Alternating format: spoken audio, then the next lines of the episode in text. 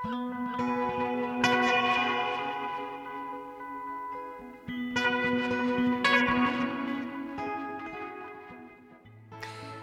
sæl og blessuð við sjá helsar á getu hlustendur mánudaginn 14. desember. Lilian Hardin Armstrong, skúltúr, skástreg skúltúr og rattirnar sem þú vilt heyra þegar þú fæðist og þegar þú deyrð í viðsjá í dag. Á bakvið hverja Karl Hetju er oftast nær að finna stittu og stóð, jafnan uppluga eiginkonu sem á drjúan þátti í velgengni makasins og hvetur til dáða. Í tónlistarhorninu heyrandi nærætlar Artljótur Sigursson að tala um ungfrú Lilian Hardin Armstrong og hennar lekil hlutverki í umbreytingu jazz tónlistar fyrir hundrað árum eða svo. Ólöf Gerður Sigfúsdóttir, hún fjallar í myndlistarpistli um tvær nýjar engasýningar sem hafa verið opnaðar í síningaröðunni skúltúr, skúltúr í gerðarsafni þar sem leikgleði og tilrauna starfsemi eru í fyrirrúmi. Og síðast en ekki síst við hugum að röttunum sem þú vilt heyra þegar þú fæðist og þegar þú deyrð. Við tölum við skáldi dittu um Elvis Presley og Jólin, hann söng þau ófá jólalögin. Elvis Aaron Presley og Hann söng þau vel enda með hjartað á réttum stað og ditta þekkir þessi lög öll mæta vel. En við byrjum í tónlistarhorninu heyrandi nær Arljótur Sigursson, hann fer með okkur í ferðalagi í tali og tónum. Við förum svo sem eins og hundrað ár aftur í tíman.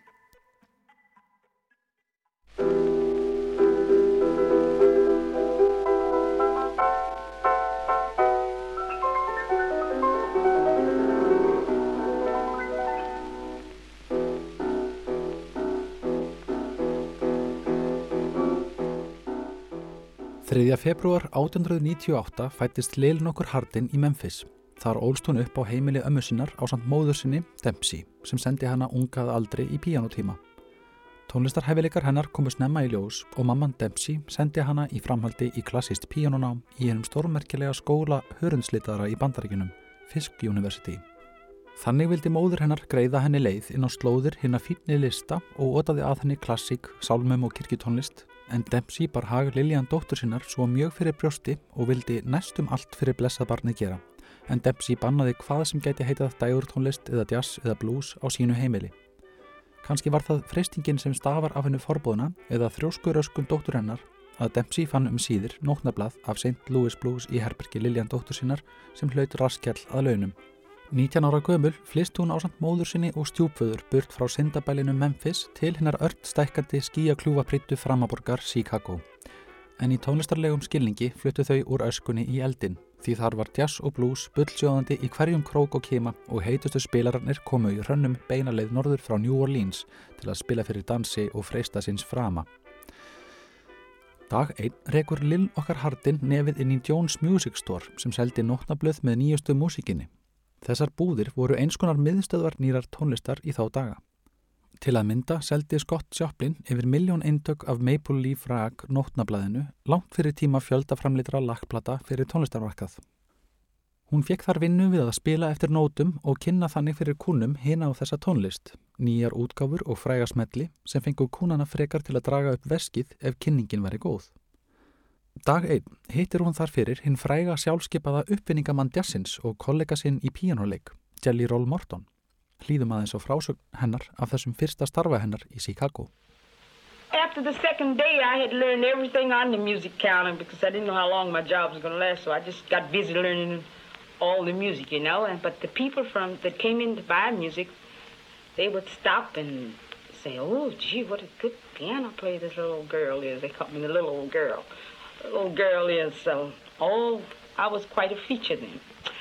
So one day, General Martin came in. So he sat down and he started playing. Oh, gee, he had such long fingers. And oh, in no time at all, he had the piano rocking and he played so heavy and old goose pimples were sticking out all over me. I said, ooh, gee, what piano playing?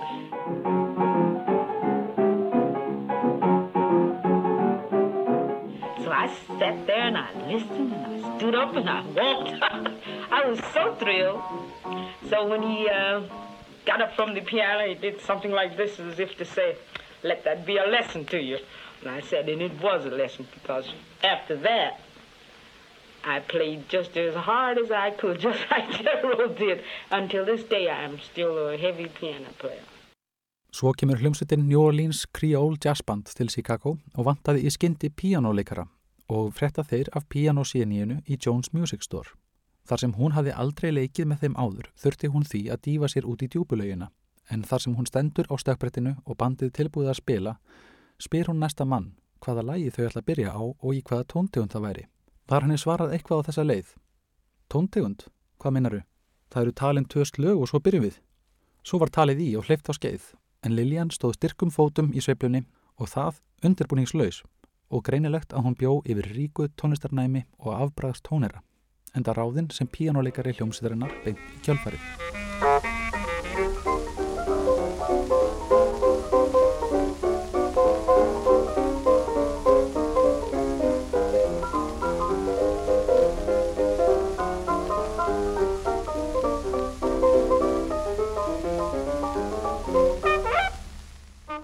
En þó að Hot Miss Lill, eins og hún var fljótt kölluð, hafi verið lítil og mjóslegin í sköpulagi, gengdi öðru um píjánostíl hennar. Hún stökk kröftulega um hljómborðið og steigð þar fast til jærðar. Misti ekki úr slægi og hafði mjög sterkan, reynfastan stíl, en það þurfi í hljómsettum af þessu tægi að halda upp í hljómagöngum og viðhalda hrinnjandanum, skera í gegnum sterkatóna blástursljóðfærana svo að hinnir hljómsettarmeðlimir haldist saman og penduli samtaka í sveiplunni og síðast en ekki síst að það nái til áherendana viðstatra. Eftir að ráðningu New Orleans Creole Jazz Band á staðnum Dreamland Café laug tók einn stærsta hljómsitt þess tíma þar við keflinu sem húsband, King Olivers Creole Jazz Band. Joe King Oliver, kornettleikari og forsprakki, bauð henni að spila með sinni hljómsitt áfram á sama stað sem hún að sjálfsögðu þáði. Það þótti Lil Hardin vandraðalegt eftir fjögur og tíma spilamennsku í klubnum með heitasta bandi bæjarins að móður hennar var alltaf mætt til að sækja hana klukkan eitt yfir miðnætti, sennilega súr á svip til að fylgja ungri dóttur sinni heim frá þessum guðsvolaða stað, þó svo að viðhorfu hennar til þessa lífstíls hafi um margt blíðkast. Svo meðan Kongsi Oliver fyrir á tónleikarferð er Liljan okkar um kyrt í Chicago enda með nóg á sinni könnu í Stórborginni, orðin vel metinn píjánuleikari og útsettjari, lagasmiður og söngvari. Þá snýr reysinn King Oliver aftur til Chicago en eitthvað hafði breyst í liðskipaninni. Aðegli hennar vakti ungur kornettleikari sem leik þá hlutverk Annars Kornets. Þar var komin kornungur Louis Armstrong frá New Orleans, græskulaus og gáskafullur, en svo flinkur spilari að nistaði af honum og greinilegt að hann sótti fast á hæla fyrsta kornets kongsa, King Olivers. Lil Hardin var aftur fenginn til að spila með hljómsettinni og kvöld eftir kvöld spiluðu þau á Dreamland Café í söður hluta Chicago. En þángað sóttu staðinn meðal annars tónlistarreisarnir Big Spiderbeck og Hóki Carmichael til að fylgjast með hljómsveitinni sem fór á kostum og greinilega spertu tónlistarsýningin eirun þegar Lewis blés í kornetin. Þá var Louis Armstrong hálfpartinn saglisinslegur sveitalúði, nýliði í bandinu, jafnvel einfældningslegur og stóð út úr á meðal hérna veraldarvönu uppi á sviði og úti í sál. Lil Hardin tók hann upp á arma sína fann á hann fatnað sem samrændist vennjum borgarinnar og sænaði hann til með herraklippingu og líkum lætur að þar hafi tekist ástir millir þessara sjarmirandi hæfileika búnta, svo að lokum letu þau púsa sig saman. Honum krossbrá, sagði hann síðar frá, að sjá slíkan dúks og mestara efni á borðið eiginkonu sína ákveða að rata inn á slóður jazzins og spila svo vel þessa lágstétarmúsík.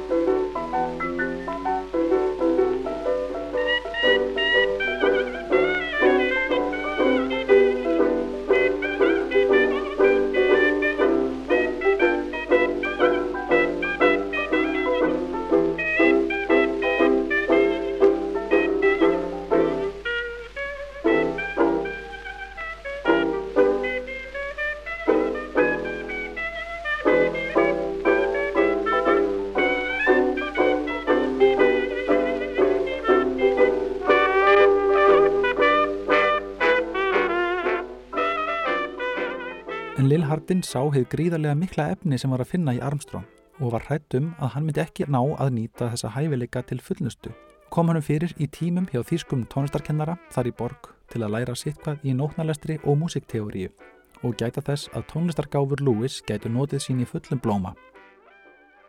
Þau Lewis undur sér vel í tónlistarlífinu saman en skindilega skegði á þegar þau komust að því að King Oliver hafði lengið skotið undan launum þeirra.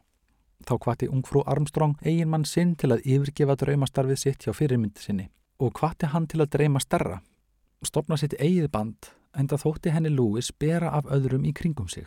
Lewis hætti í bandinu og fór til New York borgar þar sem hann spilaði með Fletcher Henderson um hríð á meðan Hardin leka áfram með King Oliver og rak aukin heldur eigin hljómsveit sem fekk einninga ráðningu á Dreamland Café í Chicago. Þegar Louis Armstrong kom tilbaka frá stóra eppinu hafði hún undirbúið heljarinnar móttöku með risaborða uppstrektum sem ástóð heimsins besti trompetlikari. Hljómsveitin nýstopnaða undir hatti Louis Armstrong bar nafnið Hot Five og fór fljótt í hljóðverð til að taka upp efni og eru þær upptökur sem gerðar voru fyrir 95 árum síðan mílustinn í sögu djastónlistar og breyttu gangi tónlistarsögunar.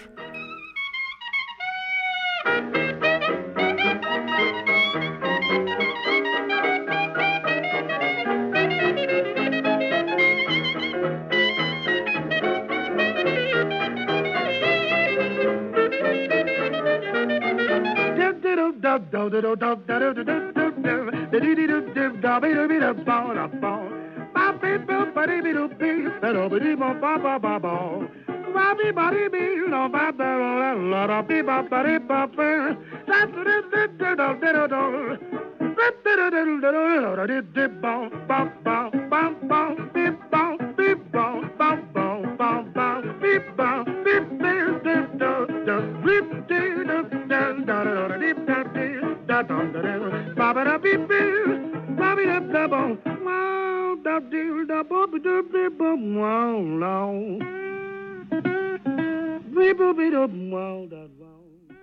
Allur sá jazz sem eftir kom tók mið af útblásnu soloformi innblásina spilara Hot Five og dýnamískum fjölbreyttum útsetningum þeirra. Lil Hardin leik stort hlutverk innan bandsins ekki aðeins sem píjónuleikari heldur með söng sínum, útsetningum og lagarsmíðum. Eftir að uppúr slitnaði hjá þeim hjónakornum Hjælt ungfrúin góða áfram sínu tónlistastarfi og kom meðal annars á fót Kvennabyggbandi sem spilaði á saminniðum útarfsendingum fyrir alla bandaríkja þjóð hjá NBC Radio. Auk þess sem hún hjælt um hríð úti eigin hljómsitt sem tók upp og gaf út skaran af lögum undir nafnin sínu, Lillian Hardin Armstrong. Þar á meðal liggur eftir hana lagið Brown Gal sem eflust fleiri þekkja í setni tíma flutningi Jive Bombers með kinnbreyttum titli Bad Boy og enn síðar, sex árum eftir andlátt Lillian flutti Ringo Starr lægið Bad Boy sem raðaði sér víða í toppsæti útarflista. En hvernig hljóðar svo orginallin Brown Gal í flutningi Lil Hardin Armstrong?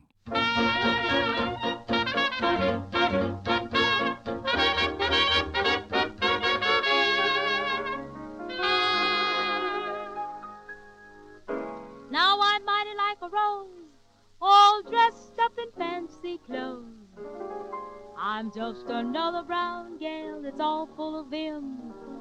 Well, here's the fix that I'm left in. Now I'm a brown gal, brown gal, making my life just a bubble, not even taking the trouble to even blow the bubbles away.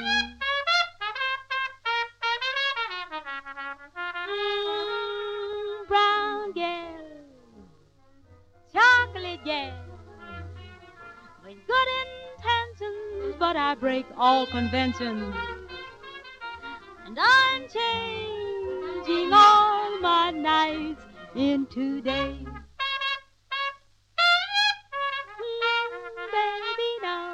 Hot blazing sun has tanned my skin.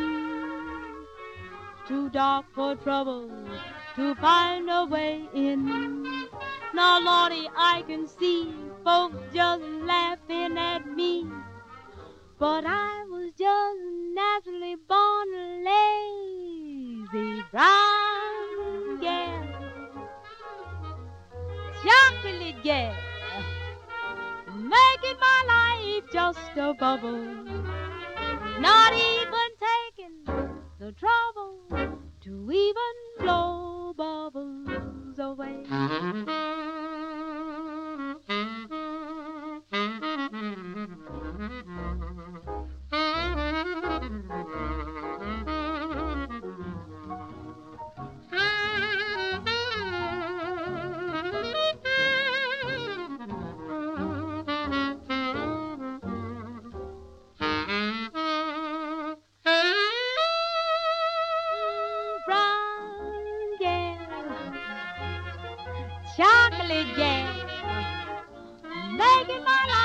Á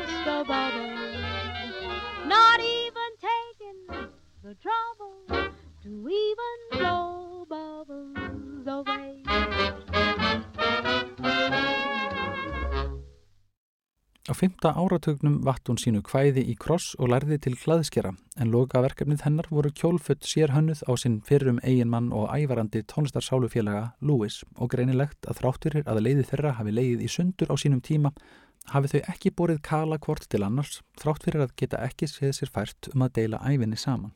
Það var svo eftir að hún kom fram á minningartólningum um Louis Armstrong árið 1971 að hjarta hennar gaf sig og 73 ára gömul hvati hún okkar veraldlega líf en okkur til hilla lifir tónlistin hennar þó áfram og glæðir jável köldustu hjörtun hér á norðurhjörnum. Blessuð sé minning Lilian Hardin Armstrong.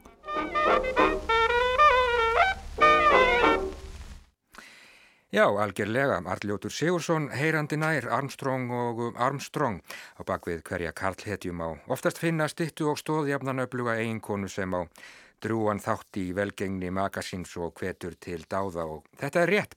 Arljótur beindi að þessu sinni aðtikli okkar að Lilian Hardin Armstrong frá Memphis í Tennessee fylki í bandaríkjunum og blessaði minningu hennar.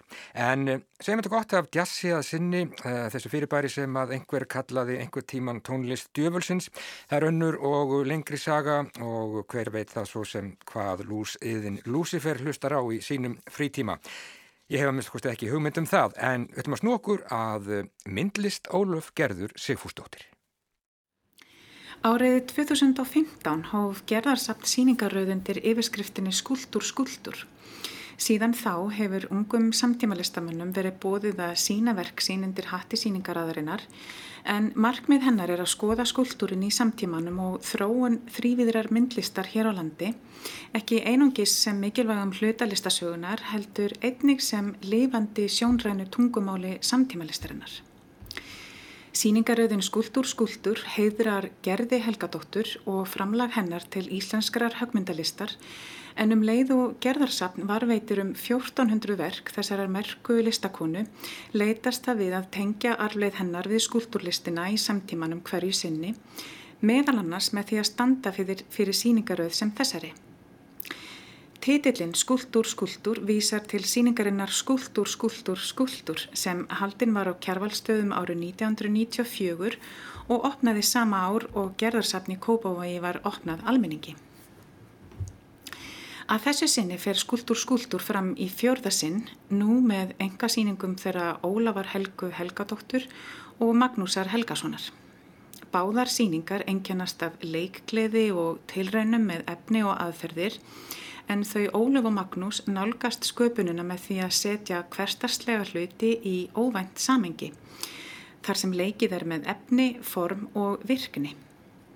Þótt síningarna tvær séu ólíkar bæði að intæki og áferð má segja að það sem saminar þær sé einleikin til að fá áhorfandan til að slaka á raukugsuninni og njóta þess sem fyrir augu ber. Og mikið fannst mér resandi að gera akkurát það, ekki síst í grámanum og fábreytninni sem enginir samfélagsstemminguna um þessa myndir. Síning Magnúsar, sitt hvað allt er gott, er eins konar vísindasíning þar sem uppfinningasemi, tilraunir og gáski eru alls ráðandi. Magnús vinnur með hverstaslega hluti sem hann raður upp í nýjar heildir og bindur saman við eðlisfræðileg fyrirbæri eins og miðflóta afl, þíndarkraft og segulmagn. Þannig skapar hann glettilega skuldura og gefur þeim stert aðdrætturafl, afl sem virkar samtímis á efnið og andan. Á síningunum á til dæmis sjá pulsu og hambúrgarabrauð sem ringsnúast í sífellu um sjálfsig eins og plánitur. Þessi ómerkilegustu brauð bakarastíveldisins sem hér eru upphafinn á svífandi stalli, svört óveðurski sem fljóta stefnulegst í litlum sundlegum, segulvögva innan í lísisflöskum í eldingarleik við segulstál og tilvílun að kenda gula garðkunnu út á miðjugólfi. Á veggjum má finna tvíviðverk úr fundnu efni eins og parkettplötum og glukkakleiri sem málað hefur verið á, sem mynda skemmtilega umgjörð utanum skúldurana á gólfinu. Tillarverkana eru annarkvort algjörlega gegnsægir eins og stormur í kókglasi, þar sem kók snýst í spíral í glasi fyrir tilstölan ramags, eða gerðsamlega óskiljanlegir eins og baldur í kópavogi sem á viðum einn jarðskúldurinn á vegg. En það gerir ekkert til þó maður skilja ekki alveg því hér er fyrst og fremst verið að höfða til skinnjunarinnar og líkamlegar upplifunar. Maður leifir bara verkunum að hitta sig í hjartastað og lætur hrífast með af dölulegum kröftum efnisheimsins og því undraverða gangverki sem hann inniheldur. Síning Magnúsar rúmast afar vel í síningasalnum. Verkin eru einhvern veginn í réttu magni og réttu hlutvalli við rýmið og þau daðra létt við arkitektúrun með því að eiga í fyrirfæra litlu en áhugaverðu samtali við rýmið í mist með löngum eða stuttum litrikum línum sem málaðar hafa verið beint á veggi og gólf. Maður fær tilfinningu fyrir spuna að hér hafi verið teknar ákvarðinir eftir þörfum en ekki fyrirfæramgefnu síningarplani. Þessi innrömmun skapar ekki einungis jafnvægi milli verkana sjálfra, heldur einnig milli verkana og rýmisins. Á sama tíma ríkir mikil spenna í loftinu en segja má að síningin öll hangi í raun á blá þræði. Það má ekki mikið út að bregða til að verkin hreinlega falli í gólfið eða hlutir sójist inn á rámt áhrifasvið. Það getur því auðla farið allt í klessu sem er auðvitað spennandi útaf fyrir sig. Sýning Ólafar, Hrist Rík á steini, hefur yfir sér dálítið annað yfirbragð þótt hún vinni einning með fundið efni og óvænt samingi hlutana. Rétt eins og Magnús höfðar Ólaf fremur til skinjunar og flæðis en raukhugsunar þótt ég sjálf sér endar ekki alltaf samfarið um raugin þarna milli eða að annað útilokki hitt endilega.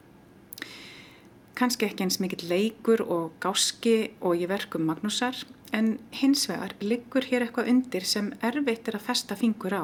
Einhvers konar ráleiki og hrif um að hér sé eitthvað kynlegt eða annarlegt á segði. Efniskend áferð og eitthvað skuggalegt enkenna síningu Ólafar sem samanstendur af aðeins þremur misstórum skuldurum. Ólöf nýtir ekki engungu fundið efni, heldur endur nýtir hún verk sín eða hluta úr verkum sem hún hefur sínt áður og gefur þeim þannig nýtt samengi. Vídeó af þvottavilarsnúningi er varpað á tau á lausum ramma, flækja af teiknipappisrúlu er sett inn í plasthólka sem ringast um sjálfa sig eins og snákur sem býtur í eigin hala og vídeo af plötuspilara sem spilar plötu úr pappir snýst endalust í lúpu. Þetta eru verk sem vinna öll með ringkreifinguna og endalösuna á einhvern hátt. Áhrifaríkasta verkið er ánefa risastór færanlegur milliveggur sem hefur verið pakkað inn í eldröðar og efnismiklar gardinur af æskuheimili Ólafar. Verkið virkjar allt rýmið, dregur í sig byrtuna og umbreytir henni í rauðletan blæ. Fyrir vikið er eins og massífur veggurinn svífi um í rýminu. Þetta verk ber með sér einhvern annarlegan dölugleika. Man langar að skiknast baku tjöldin í leitað kynlegum kvistum og raunar gæti það allt eins verið leikmynd í kvikmynd eftir David Lynch.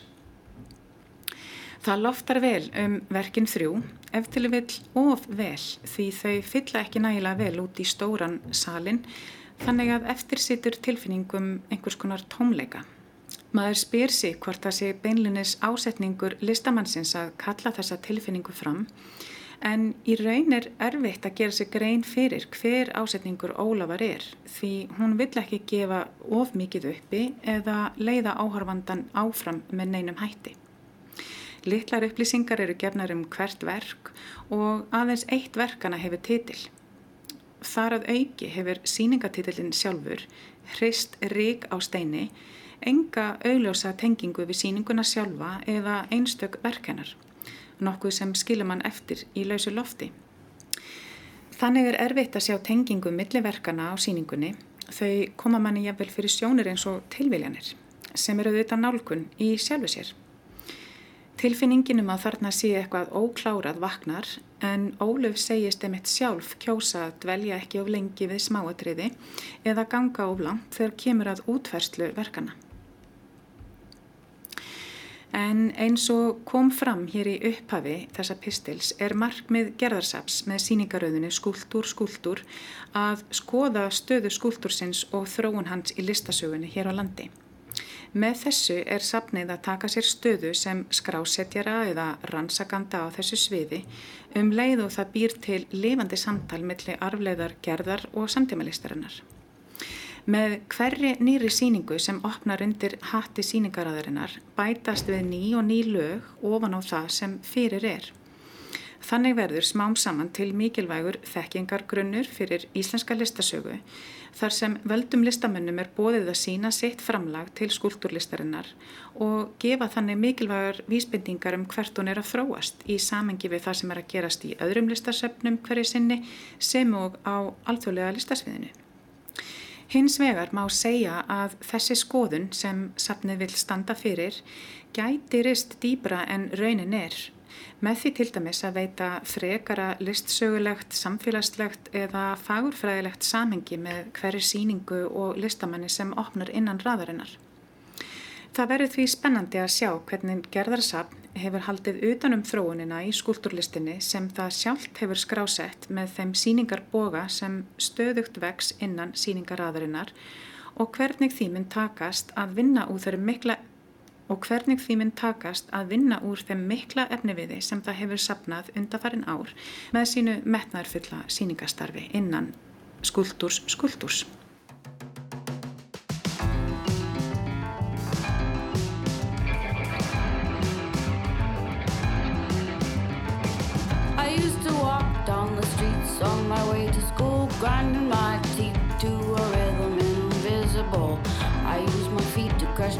Like they had fallen from trees just for me, just to be crash cymbals.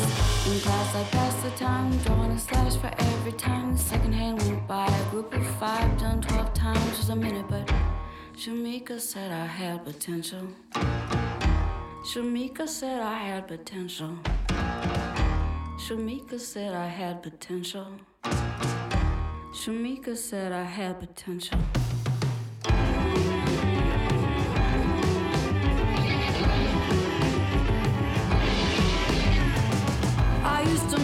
Down the windy, windy sidewalk, slapping my leg with the riding crop, thinking it made me come off so tough. I didn't smile because a smile always seemed rehearsed. I wasn't afraid of the bullies, and that just made the bullies worse. In class, I'd pass the time, drawing a slash for every time the second hand went by. A group of five, done 12 times was a minute, but Shamika said I had potential. Shamika said I had potential. Shamika said I had potential. Shamika said I had potential. Hurricane Gloria in ecstasis dale. That's my bird and my tree. My dog and my man and my music is my holy trinity. Hurricane Gloria in ecstasis dale. That's my bird and my tree. My dog and my man and my music is my holy trinity. Tony told me he described me as pissed off, funny and warm. Sebastian said I'm a good man and a storm. Then I didn't know what potential meant, and Shamika wasn't gentle and she wasn't my friend, but she got through to me and I'll never see her again. She got through to me and I'll never see her again. I'm pissed off, funny and warm. I'm a good man in the storm, and when the fall is torrential, I'll recall. Shamika said I had potential. Shamika said I had potential. Shamika said I had potential. Shamika said I had potential.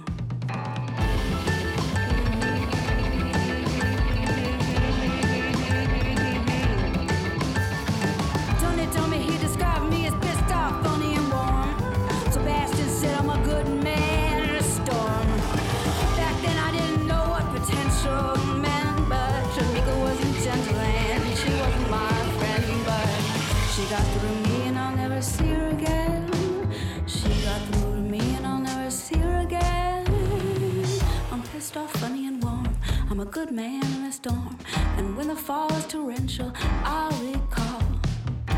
Shamika said I had potential. Shamika said I had potential. Shamika said I had potential. Shamika said I had potential. Shamika said I had potential. Shamika said I had potential. Shamika said I had potential.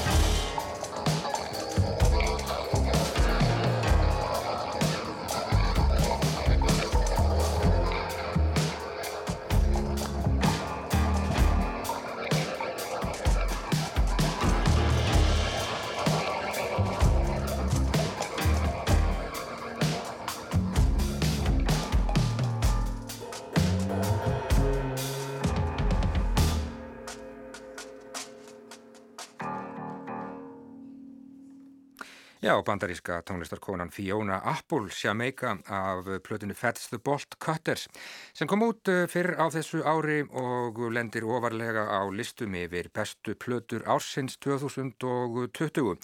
Er hreinlega í efsta sæti á lista sem að bandaríski vefmiðlinn Pitchfork byrti fyrir helgi. Áður fjallaði Ólaf Gerður Sigfúsdóttir um skúltúr skúltúr í gerðarsafni.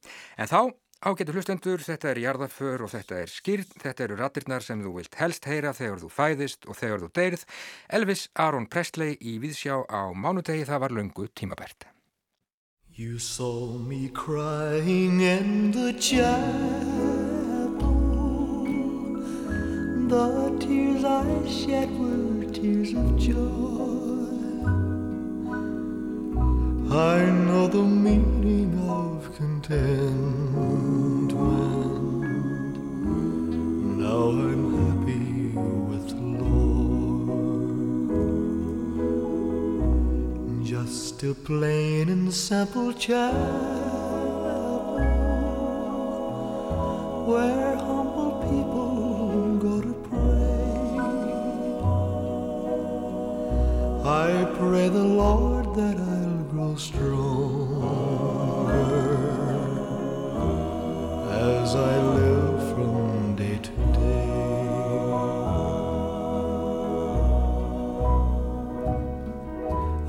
searched, I've searched, I've searched, I've searched, but I couldn't find no way on earth to gain peace of mind. Now I'm happy and the child.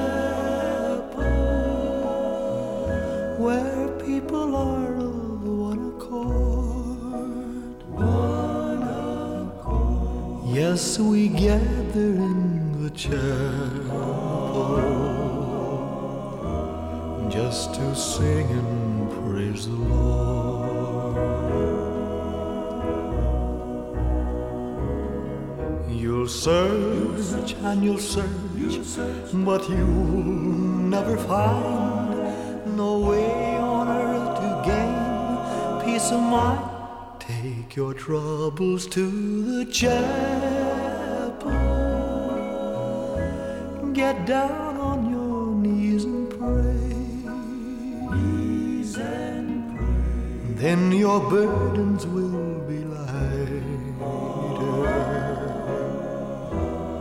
And you'll surely find the surely find the way. Oh, it won't. Elvis Aron Presley, hann söng þau ófá jólalögin um trúaröppeldi hans mætti eflaust segja ímislegt og trú hans almennt en eitt er víst að þessi konungur rock tónlistarinnar lísti því einu sinni yfir að það væri aðeins einn konungur og það væri Jésús Kristur en Hvað sem öllum trúar hita líður þá verður ekki annað sagt en að Elvis Presley var heitur, fun heitur og gaf æfinlega allt sem hann átti í það sem hann gerði og þess vegna var hann sá sem hann varð. Hann var engin guðfræðingur en hann var heitur. Og þeir eru til sem segja að það séu engin jól án Elvis Presley. Einn þeirra er Ditta Jónsdóttir skátt. How I wish that you could be here but it won't seem like Og um, hvað er það ekki við hann Elvis sem uh, heitlar? Sko Elvis er náttúrulega á, á, á sér afskaplega svona skemmtilega speiklun í uh, Jésúbarninu. Hann er náttúrulega bara maður. Og, um, og en hins vegar, eh, sko, það er einlagnin, það er meðgjöfin í hverjum einasta jólalagi, það er alveg sama hvað jólalag hann syngur, það er alltaf svo til hann. Ég hef það alltaf á tilfinningu ég hlusta á upptökur með honum sko bakrættinnar. Það er bara ákveðið jólaland út af fyrir sig og bakrættinnar hans Elvisar. Hann vissi bara alveg hvað hann var að gera þó maður veit alveg að þessi jólaplötur voru allar teknar upp á sömri. Þú þurftir að koma þér í mutt í júli og þetta gerðu þau og maður heyrir það.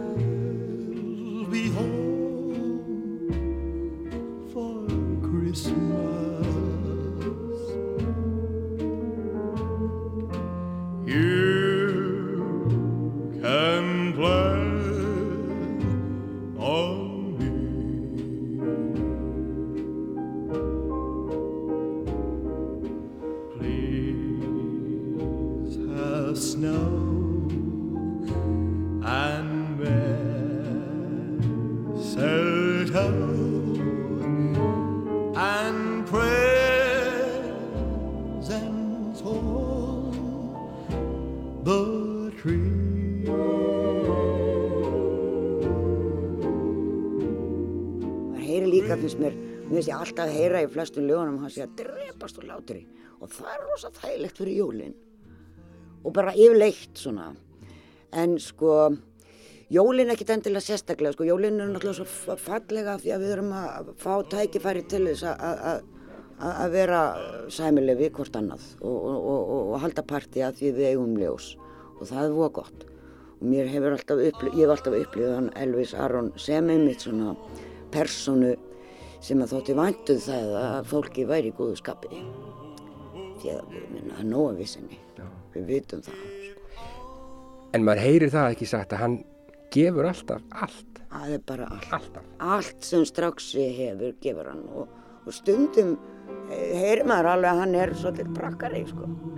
Og hann er stundum alveg að drepast og hlátur þeirra bakarinn að byrja. Maður bara heyrir það sko.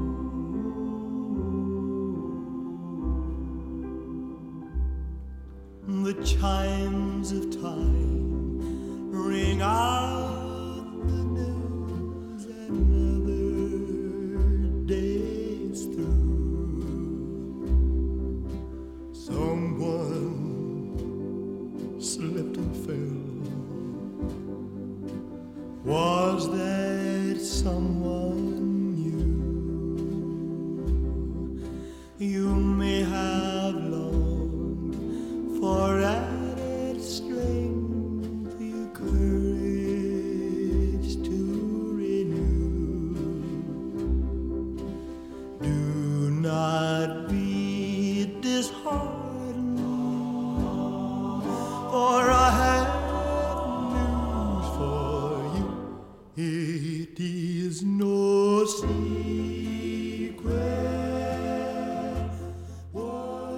Hvenær komst þú á bræðið með þetta?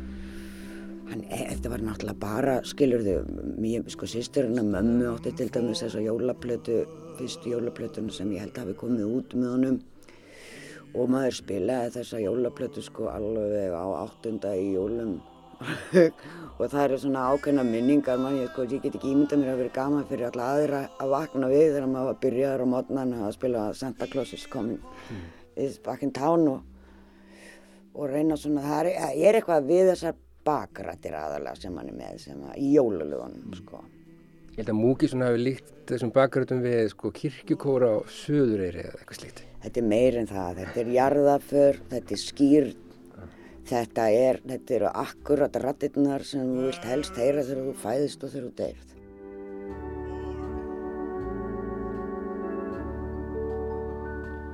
Oh, little town Bethlehem, how still we see thee lie above thy deep and dreamless sleep. the silent stars go by. Yet in the af því að þetta er eitthvað, þetta er svo mikið við. Að vera, að reyna, jú, veist, að fá að vera auðmjúk uh, svona jólaböll. Sko, úúúú, við erum öll góð, kunum, ég var um að tala við vinkunum mín að það raunverulega byrjar alltaf svona einu, hm, mhm, þetta er alltaf, sko, Elvis vissi það. Öll öll músík byrjar á, mhm, hugsast, Elvis á með það. Já, með það. Sko, ætla að sé til nokkuð maður á Jarðaríki sem hefur heyrt öll löginans Elvisar. Þegar maður er alltaf að heyra, maður er alltaf að heyra eitthvað nýtt þó að sé um, uh, 40 ár síðan hann dó, tæp. Um, er þú með svona, uh, hefur þú kortlegt þetta í hugaðir einhvern veginn? Þetta, höldum okkur bara við þennan jóla ópus, getur þú veistu hvenar hann tók upp þetta lag og hvenar hann tók upp hitt lagið eða, eða leifir þér bara að, hérna, að, að njóta þess sem, sem að kemur þegar það kemur? Það að- að- það er misjátt sko, auðvitað ekki, en eh, auðvitað sumt finnst maður, sko, sumt kittla bara nördin í manni, sko, alveg eins og maður, já, já, var hann þarna, já, þú veist, hefur ekkert að gera með endalega útkomi lagsins eða hvað þú ert að njóta í stundin, en nei, ég er ekki, ekki lengur, ég hefði alveg geta orðið ef ég hefði fengið frið til þess, orðið algjörlega Elvis trúar og ég segi oft við fólk að Elvis sé með þér, bara til þess að vera heiðarleg. Og í andiri heimili míns er mynd af honum sem tekur á móti mér hvert skip sem kem heim með bre- útbreiddan faðm í samfesting með glitr og svona svolítið svona sérstakann svipa því að hann var á þannig stað í lífi sínu eins og við erum svo oft sem fólk og við mætum oft á þennan stað svolítið upphengt um þetta leita árs og þurfum að fá að vera gott fólk sko. við þurfum að fá að komast þarna og mér finnst, fyrir mig hefur Elvis alltaf hjálpað mér að reyna að vera gott fólk sko. If I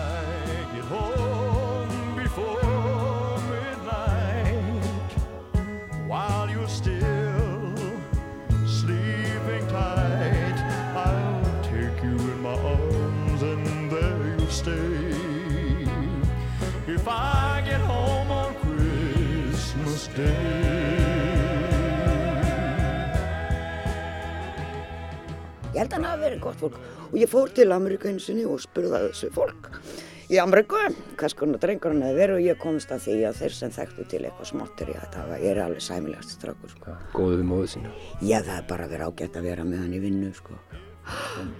er Kannski að hann verið útvarsmaður á Íslandi, maður veit ekki, sko. nákvæmlega en sko, afkvistinu voru gríðarlega hjá honum og ég held að það sé ekki margir sem átta sig á því. Um, ég held að fólk haldi það almennt að hann hafi bara svona mætt og, og trallað þessi lög inn en svo var ekki raunin. Hann tók upp aftur og aftur og aftur. Hann var þangað til allt var komið. Hann var, hann var perfektionisti og hann gersamlega, sko, enda voru allir í kórnum tágrannir, þetta fólk höfði að syngja og syngja og syngja og syngja. Og söngur er náttúrulega besta meðrun sem að nokkur, svona, veist, hann hefur kannski átt að standa með þeim. En hérna, en ég minna, já, en ég minna, hann var mikill, hann vildi gera vel og ég held að hann hafi, þú veist, ég hef aldrei, ég hef aldrei upplifað, þú veist, ég hef ekki svona heiðileg vinnubröð upp sjálf, sko, eins og hann, eins og angar af öllu sem hann gerir, sko. Og uh, eða það sem ég hef heyrt, og kannski er þetta bara þannig, maður heyrir það sem maður vill heyra og þegar maður þarf þess og maður sér líka það sem maður vill sjá og líka þegar maður bara þarf þess. áttu þeir upp áls jólalög með Elvis Presley? Ég var reyna með þetta að rifja þetta upp þegar þú hringdir og ég held að það sko fyrir utan náttúrulega að því að þar eru bakræðirna svo fallegar í, í bæði Blue Christmas og Silent Night en þá er náttúrulega samt að Closest Back in Town það er bara það er bara, þú veist, þar eru hljóðfærarleikararnir það er alveg hægt að spila það lag allt árið sko. já, líklega tekið upp í júli bara. Þetta bara var tekið upp á réttum tíma og er einhvern veginn alltaf rétt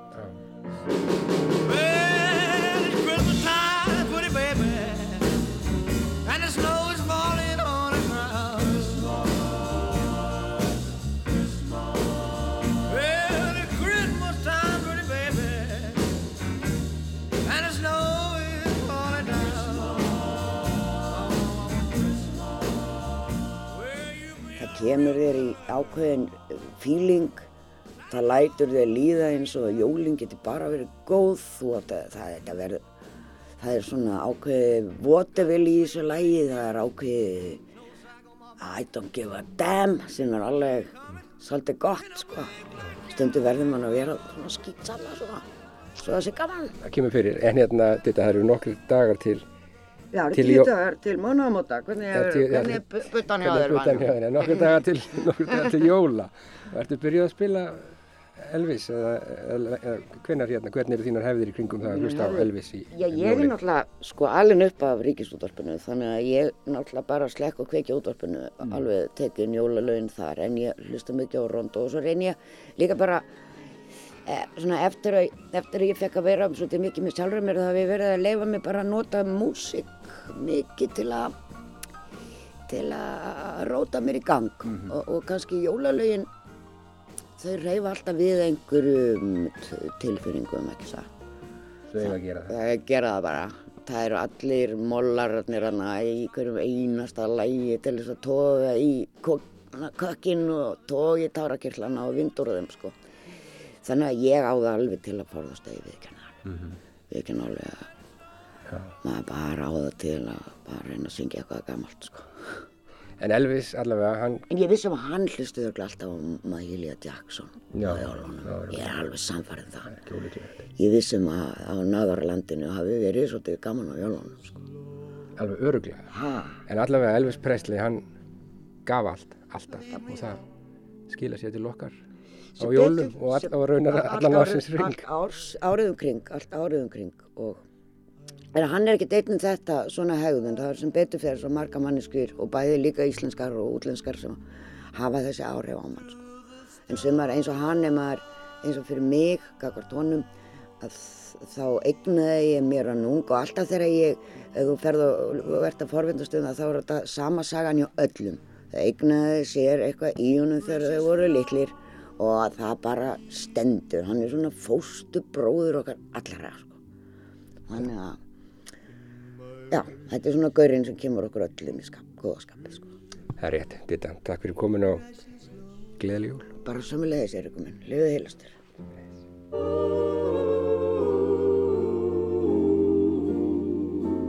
I'll be home Christmas.